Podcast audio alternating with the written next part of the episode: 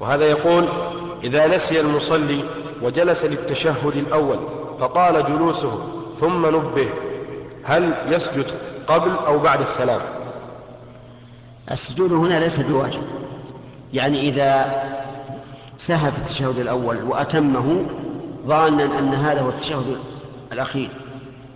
فهنا نقول الزيادة هنا قولية أو فعلية؟ الزيادة قولية. لأن هذا الجلوس محل جلوس.